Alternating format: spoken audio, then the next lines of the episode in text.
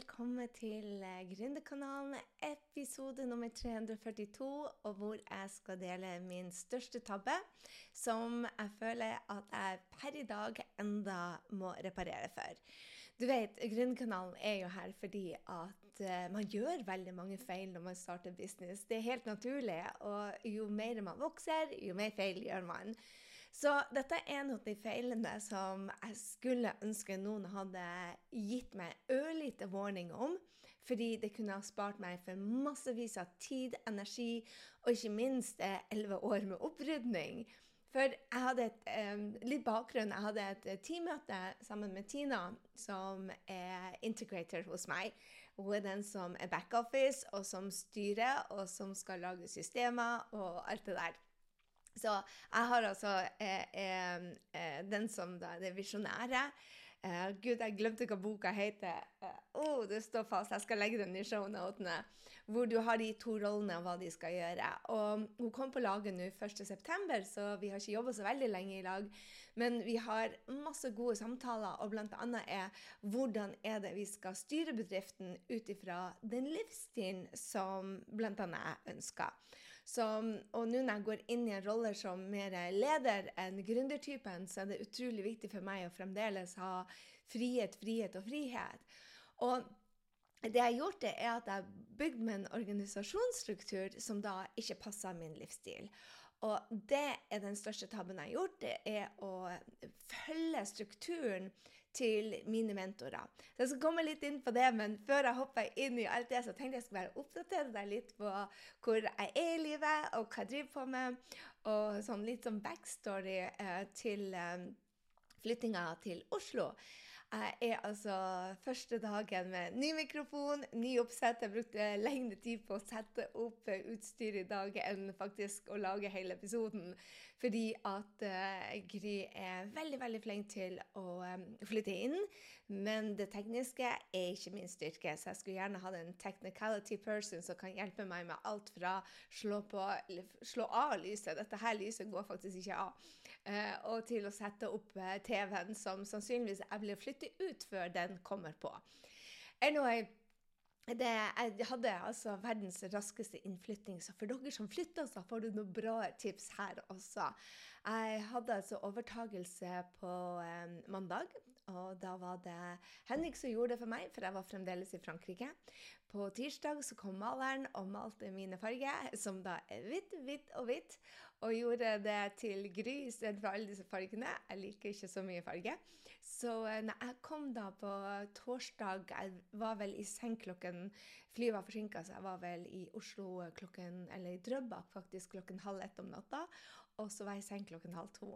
Og klokken syv da var jeg i Oslo og tok imot de første folkene.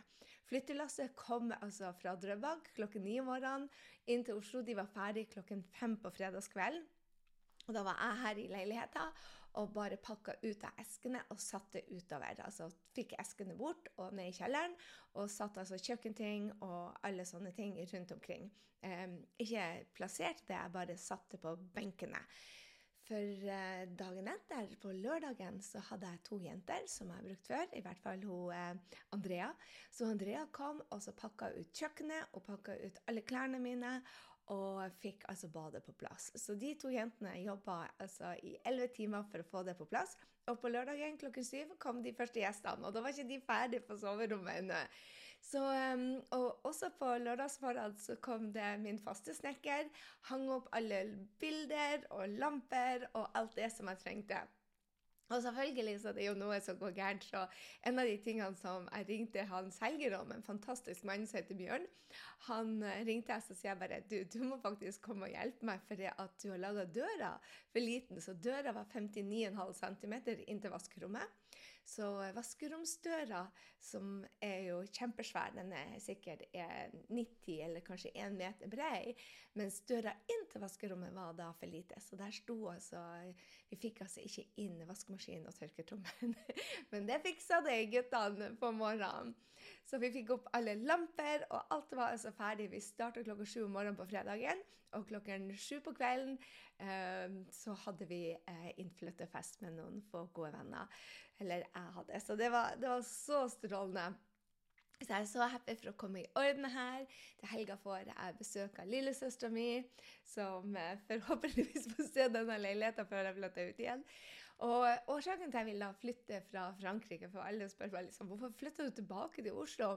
Én er det jo selvfølgelig fordi at jeg vil eh, ja, jeg vil ha selskapet mitt her, og da bør du ha en bostedsadresse. Så jeg vil skatte hit. Og årsaken til jeg vil skatte hit, og ikke til Frankrike, eh, er fordi at det er samme skatt. Men blir jeg noen gang syk, så vil jeg heller være syk i Norge, eller på et språk som jeg er best å snakke casual, casualities, ikke sant? Men um, jeg er jeg vil jo si at jeg er flytende i fransk. Ungene mine sier ikke at jeg er flytende i fransk, men jeg vil si at jeg er flytende i fransk. Men eh, jeg trenger ikke lenger vin for å, snakke med folk.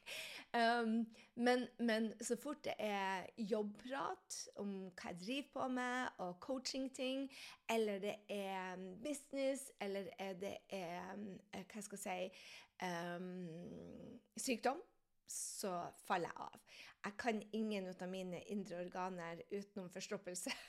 så kan jeg ingenting på fransk utenom noe som vanlig forkjølelse og forstoppelse. Når jeg skal forklare ting på hvor jeg har vondt, eller når noe er unormalt. Så selv om doktoren min er fantastisk, så syns jeg det alltid er utfordrende å, å, snakke.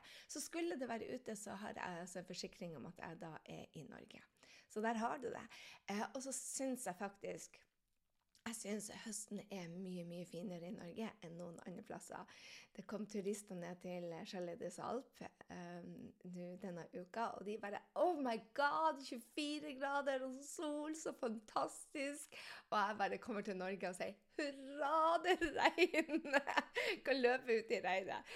Anyway, så jeg skal altså være her um, Jeg skal til USA i november. Hele november blir jeg i USA.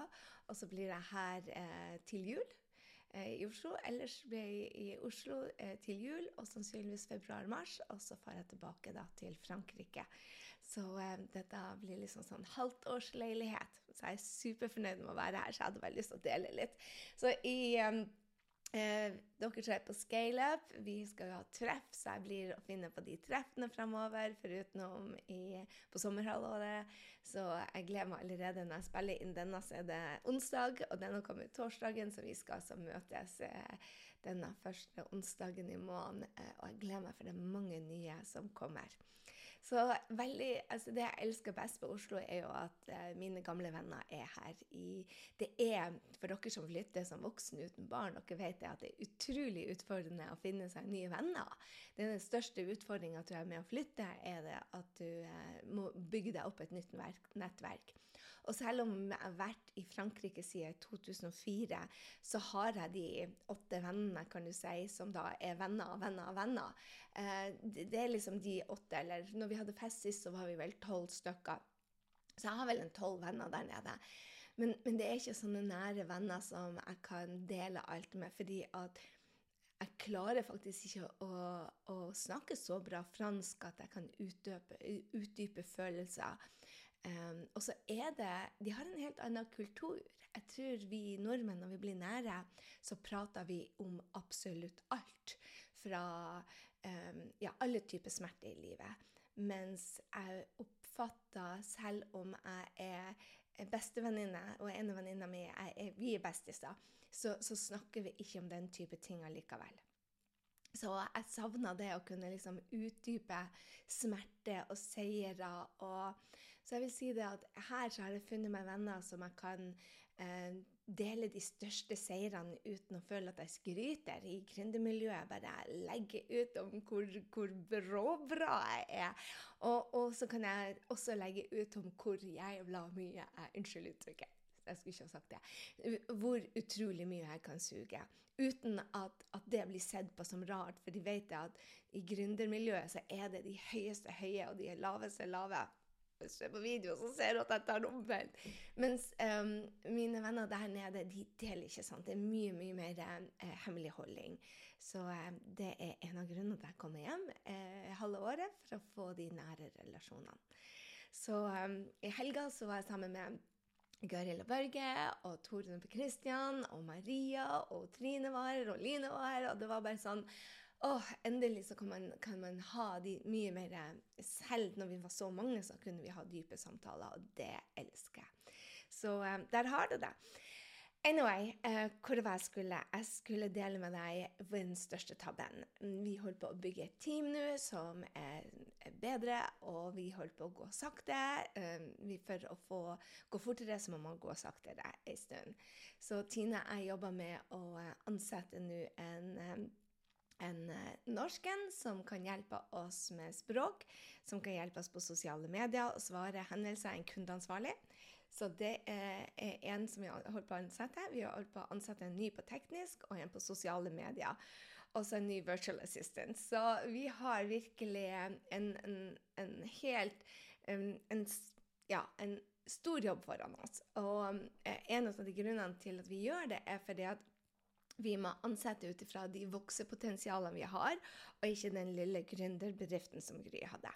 Så eh, det blir utrolig spennende periode vi går framover. Så eh, følg med, følg med. Vi skal gjøre mange, mange mange tabber. Og det jeg elsker ved å gå gjennom sånn her, at veksten jeg, jeg, det at vekst er smerte også. Og um, det er litt sånn I dag, for eksempel, så har jeg vondt enda i hele kroppen min. Jeg løp 31 km. Det er nær siste, nei, tredje siste langkjøringa før maraton den 6. november. Så jeg hadde 3 12 timer, som eh, 31 km ble det, på tredemølla. Og det gjør bare vondt i kroppen. Altså Den siste mila gjør vondt, for jeg har ikke løpt så langt siden sist gang jeg løpte maraton. Så 31 km på meg var bare smertefullt. Og i dag så gjør det vondt i kroppen. Og sånn føler jeg at det er også når du ansetter et nytt team, når du er i vekst, når du skal gjøre disse justeringene. Det er bare spennende, men det er også utrolig smertefullt. Og så er det også den, den stoltheten, hvis du skjønner hva jeg mener. Den stoltheten om at nå gjør vi det, nå går vi, nå planlegger vi for utvidelse, og vi bygger de riktige tingene. I den forbindelse, endelig etter tolv minutter, så klarer jeg å komme til poenget. I den forbindelse så rydda jeg og Tina veldig opp etter den tabben min eh, som jeg gjorde da i 2012. Og den tabben var at jeg var en um, hva skal jeg kalle det, en multipassionate, det er Marie sitt ord, uh, multipassionate entrepreneur.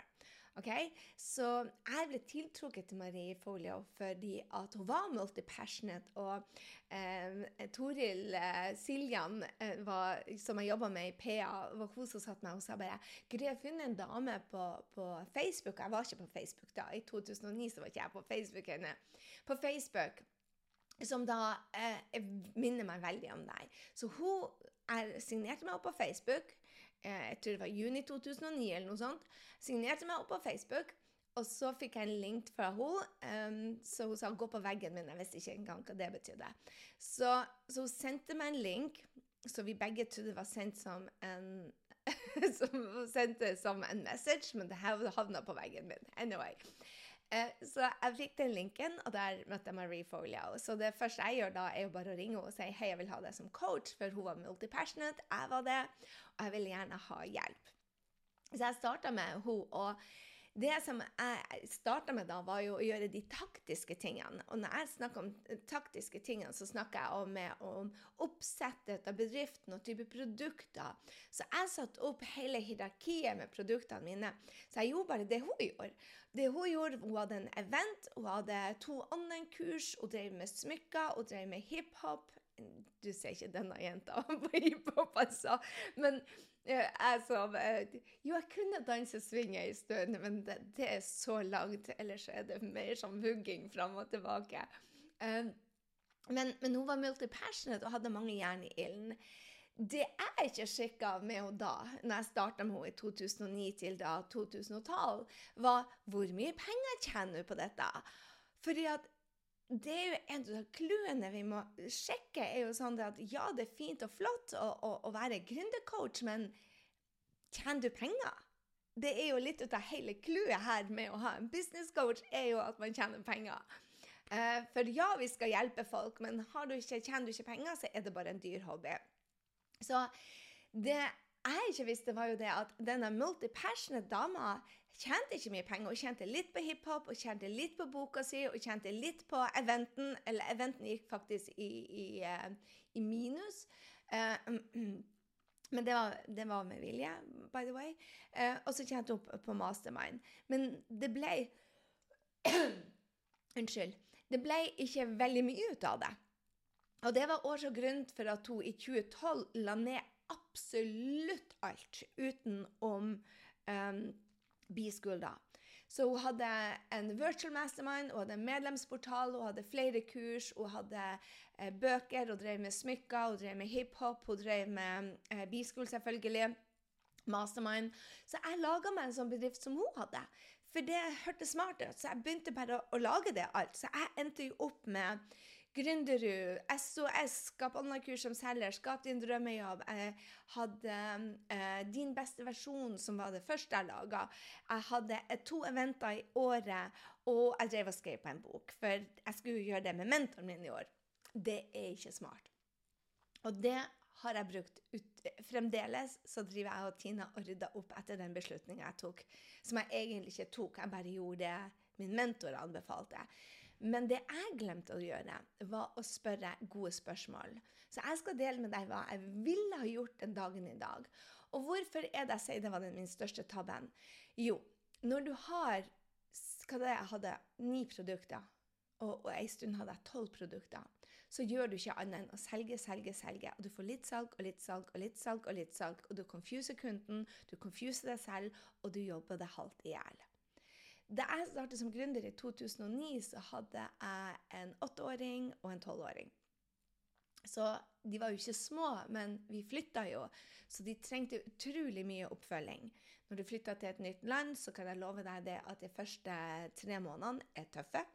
Eh, og det første halve året når du kommer inn i det, så er det bare mye flere eh, utfordringer. Spesielt hvis det er på språk fransk som du ikke kan så godt. Anyway, jeg gjorde det Marie gjorde, og det Brendan gjorde, uten å stille kritiske spørsmål, eller gode spørsmål, vil jeg heller kalle det. Så det gjorde at jeg fikk meg en livsstil som var jobb, jobb, jobb, jobb, jobb, jobb, jobb. Og det var ikke så mye tid til mye annet. Og det er det tabben min var, at jeg laga meg en struktur som passa til en singel person, eller en person som ikke tar ferie, og som jobber hele tida og ha stort sett bare det. Og det skal jo sies det at uh, Marie delte jo det at hun tok sin første ferie etter tolv år som gründer. Det var første ferien hun hadde, ellers så hadde hun fulle dager. Hun har ingen barn. Og det var stort sett det som var livsstilen hennes, som var jobb. Og det hadde ikke jeg tatt og tenkt på engang. At det passa kanskje hennes livsstil, men det passa ikke min livsstil. Så etter jeg lærte å stille kritiske spørsmål og bygge 90-dagersplan, og så jeg bare knyttet den opp til tiårsplanen hva vil du om tre år? Og et av spørsmålene, så hvis du leser Blue Ocean Strategy, så et av spørsmålene der er det Blue Ocean Strategy? Ja, jeg tror det den heter boka. Hvor du går gjennom 90-dagersplanene, eller du legger visjon for deg selv. Så er det bare utrolig kjekt det å vite det at um, du må legge strategien din ut ifra den livsstilen du vil ha om tre til ti år. For plutselig så er ti år gått. Det er faktisk gått tolv år siden, eller 13 år snart, siden jeg starta opp som gründer. I hvert fall tolv og et halvt. Så tolv og et halvt år så har jeg enda utfordringer fordi at jeg ikke så framover om hva jeg ville. For, for, spørsmålet ville vært hvor mange ganger i året vil du selge? Vil du være tilgjengelig hele året? En av de tingene som jeg hjalp en av kundene mine med i Mastermind, hun begynte å lage seg massevis av kurs og medlemsportaler. Og jeg bare I tiårsplanen din så står det at du ønsker å bo i Spania, og at du ønsker tre måneder fri og ikke gjøre noen ting. Um, og så står det også at du ikke vil ha et stort team. De tre tingene går ikke sammen. Så jeg vil ikke ha et stort team. Jeg vil, ha, ja, jeg vil at vi skal være maks syv stykker. Det er i hvert fall det jeg satt per i dag. Maks syv stykker, både Norge og USA. Og det betyr det at eh, Det betyr jo det at jeg kan ikke ha en, en masse produkter. Jeg må ha få produkter. Fordi Hvis ikke så blir vi å kjøre lansering på lansering på lanseringer. Jeg må også kjøre back back-end, altså funnels, eh, salgssystemer som går av seg selv eh, bak, uten at jeg er forfigur. Sånn at det, det vi kaller evergreen, altså at det går i bakgrunnen uten at jeg er der. Jeg gjør det én gang, og ikke flere ganger. Og det gjør jo det at eh, det blir mindre salg, og så er det mer Facebook-annonsestyrt. Eller ikke bare Facebook, men annonsestyrt enn det er f.eks. Eh, ved en vanlig lansering. Så jeg glemte rett og slett å stille de spørsmålene. Og laga meg Ja, vi hadde vel opptil 13 produkter på det meste det skaper en livsstil du ikke ønsker, i hvert fall for meg. Det betyr at du må ha mye team. Det betyr at du må være mye på jobb, ofte. Um, og jeg elsker å jobbe september, oktober, november. Og så har jeg fri eh, desember, og så jobber jeg januar, februar, mars. Og så begynner det å roe seg i april, og så er det kos fra mai til ut august. Det er sånn livsstil jeg har. Men det jeg la opp til med 13 produkter, så var det mye jobbing. Og det var altså en tabbe. Så når du skal legge 90-dagersplanen din, så sett deg virkelig ned og tenk etter hvordan vil du livet ditt skal se ut på alle mulige måter. Ikke bare på uh, businessen din, men hvor vil du bo henne? Hvor vil du ha fri? Hvem vil du henge sammen? Um, jeg ønsker å være i spirituelle miljøer, jeg vil fare på yoga-retreat, jeg vil være en måned i India eller på Bali. Um, og det vet jeg. Så, så, og det er ikke bare ti år fram i tid, men det var ti år fram i tid da når ungene ble store. Men, uh, men, det å være borte en og to måneder uten at businessen trenger meg, det er viktig for meg. Men den strukturen jeg hadde lagt opp på businessen min, den hadde jeg ikke supporta. Og jeg spurte ikke de kritiske spørsmålene. Så jeg anbefaler deg å gå og gjøre 90-dagersplanen din og se på tiårsvisjonen din. I den så er det ikke nok plass, men det stiller deg par, du, du, får se på de tingene som du bør vurdere. Og en av de tingene på visjonen din på tiåret år er bare hvor stort team vil du ha? Hvor mye vil du jobbe? Ikke bare i dag, når du bygger opp, men om ti år. Ikke sant? Som du begynner å se bare Der skal jeg! Og det er ikke skrevet i stein i det hele tatt. Livet mitt ser 10 100 000 ganger bedre ut enn det jeg i det hele tatt kunne drømme om. Og en av de tingene som, som kundene mine syns er veldig rart når de fyller ut en plan, vi hadde møte om det i går, 90-dagersplanen, er bare Ja, men jeg vet jo ikke sikkert. Og vi er opplært fra skolen av at når du fyller ut en tall, så bør det være riktig. Men når du starter som gründer, så må du faktisk være OK med å stå i spørsmålene uten å kunne svarene. Jeg vet det med en gang jeg så den 90-dagersplanen. bare, Jeg vil fylle ut alt med en gang, og jeg vil at det skal være riktig, for jeg vil ha A. Jeg vil ha beste karakter. Jeg vil ha, jeg vil ha sekser. Ikke sant? Men utfordringa er når du er gründer, så må du bare ta det på gefühlen, og så må du justere etter hvert, og det blir aldri riktig. Og Det er en av de andre utfordringene som jeg måtte bare lære meg.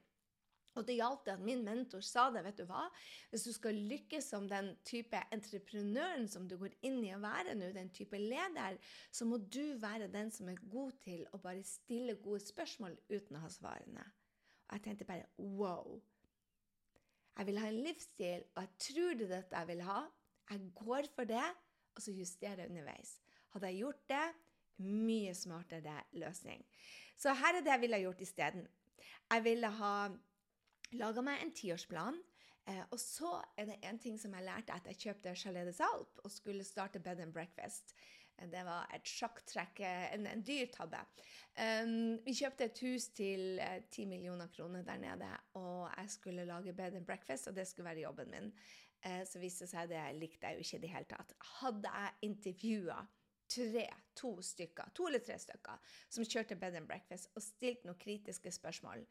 Som f.eks.: Hva liker du? Hva liker du ikke? Det er ikke engang kritisk spørsmål, det er bare et spørsmål. Så kunne jeg ha sett om jeg likte de samme tingene. Jeg, jeg tror den dagen i dag, hvis noen hadde spurt meg hva det eh, verste med å ha bed and breakfast, som vi starta med i 2009, var det vel, ja, noe sånt. 2010 var det. Uh, hvis 2004 var det faktisk. Um, hvis jeg hadde gjort det i 2004, og så spurte jeg meg selv hva er det beste og verste Det beste var at du har noen til å betale ned huset. Det verste er at du må snakke med folk hver dag. For en introvert person som meg, det å snakke med folk hver dag som jeg ikke kjenner, det er en så stor påkjenning for psyken min at det klarer jeg ikke. Og tro meg, det er det. Så det er kanskje det positive for noen, men for meg vet jeg det at det ikke er positivt. Så hadde jeg bare spurt noen, så kunne jeg fått det svaret. Og det ville jeg gjort også med hvis jeg var gründer. Hva er fordelen med å ha medlemsportal? Hva er den positive, negative? Nå vet jeg alle de positive og negative. Men hadde jeg spurt om kurs versus én-til-én via gruppe, via mastermind, så hadde jeg fått veldig mange forskjellige svar. Og hvis jeg husker det at det er tre løsninger på enhver utfordring, så hadde jeg sluppet å gjort så mange tabber. For tro meg, den dagen i dag, når vi går inn og logger oss på Kajabi nå, der ligger 13 kurs, det er folk som har tilganger, som ikke skal ha tilganger. Det er faktisk kaos som vi holder på å rydde opp igjen. Fordi at jeg jeg hadde ikke lagt strukturen. Jeg hadde ikke lagt strategien og strukturen og prosessene før jeg bare La oss lansere! Her er et kurs! Og jeg elsker jo å skape. Jeg elsker å lage nye kurs. Jeg elsker alle webinarer. Men å passe på tilganger og sånt, not my thing. Så Eh, det jeg anbefaler også, er jo mine kunder sier lag deg én million bedrift, ett produkt i gangen. Og så adder du, men husk at tiårsvisjonen din klar for deg. Og hvis den ikke er det du ønsker, så som jeg sa til ene kunden min, bare, hun ville ha fem forskjellige kurs, medlemsportaler, eh, mastermind og produktsalg. Og så ville hun gjerne ha et lite team på fem-seks stykker. Og så ville hun gjerne ha tre til fem måneder eh, fri i året. De tre tingene går ikke i hop. Det gjør ikke det. Enten må du ha et større team, eller så må du ha eh, færre produkter. Eh, jeg har ennå ikke sett det funka, i hvert fall. Så det var det jeg ville dele med deg. Eh, hva har det med deg å gjøre? Jeg ser gründere er blakk veldig veldig lenge fordi at de har for mange. I går vi, tok vi inn nye på ScaleUp, så vi hadde første møte med dem. Og da var det flere som hadde én-til-én-produkter, eh, gruppeprodukter, eh, skulle ha filialer. Eh, masse produkter. Eh, og det blir veldig lite fokus da. Og skal du lykkes med en online business, så selv om du har en business ved siden av, lag én plan på det du skal gjennomføre, og sett av dedikert tid til å gjennomføre den planen med den ene tingen. Så eh, det er mitt beste tips altså, for dere som er multipassionate. Ikke gjør den tabben jeg gjorde, hvor du bare sier bare, 'Å, jeg skal skape alt det her'. For jeg betaler altså den dagen i dag eh, for den tabben som jeg gjorde med å starte så mange produkter. Den, den rydder fremdeles opp etter eh, ti år etterpå. I 2009 starta jeg å lage produkter, og i dag er det altså 2022. Så du skjønner at hoderegning er ikke min styrke når jeg sier ti år. Jeg må bare runde opp eller ned. Anyway, det var det jeg hadde for deg i denne omgangen. Så for meg eh, nå når vi bygger teamet. Det er opprydning på opprydning på opprydning, og nå bygger vi en helhetlig strategi på hvordan vi ønsker businessen skal se ut på ti år. Og så lager vi en 90-dagersplan på en 90-dagersplan på 90-dagersplan til å komme til først året, tre år og ti år. Og det gjør det at vi tar gode beslutninger når vi har en god strategi i bunnen, istedenfor å begynne å eh, det lappverket som jeg faktisk har hatt litt for lenge. Det er lenge siden jeg hadde mange produkter, men likevel så oppdager vi altså eh, nå når vi gikk inn og skulle se rydde opp, at vi har enda ting igjen fra gammelt av. Så der har du det. Um, jeg hadde bare lyst til å dele det med deg, fordi at i går når vi hadde coaching med de nye, så, så var det så mange som hadde multipassionate, og de hører, og de hører min coach sier at multipassionate er bra, så jeg bare mm, den, Min coach igjen begynte ikke å tjene ekstremt mye penger og hjelpe veldig mange folk før hun hadde ett produkt, og så kjørte hun det produktet i seks år uten å touche noe annet. Altså fra 2012 til 2019 så var det ett produkt. Ikke sant? Og det var ett produkt, ett produkt, ett produkt, og så skrev hun bok, og så la hun til et annet program. Og det tror jeg er en gullegod strategi, for da kan du ha et lite team på syv stykker, og du kan ha en enormt inntekt, og du kan hjelpe mange tusen mennesker istedenfor å hjelpe én og én på hver eneste ting. Og ja, dette gjelder også i Norge. Så jeg håper du lærte masse ut av det. Hvis du elsker Gründerkanalen og læringa du får her, så vær så snill og screenshot. Eh, vær glad over at dette ligger også på YouTube, hvor vi kjører videoer. Eh, derfor har jeg på meg sminke, men for du som lytter, så, så, ser du ikke det. Jeg har faktisk åpna øynene i dag. Um, så eh, ja, hvis du digger podkasten, så vær så snill og del den med dine venner på stories, og ta med deg Og tagg meg. ta med den taggen ut av Gris, og får takka deg og delt deg videre. Med det, kjære venner, ha en strålende uke, så høres vi i neste uke.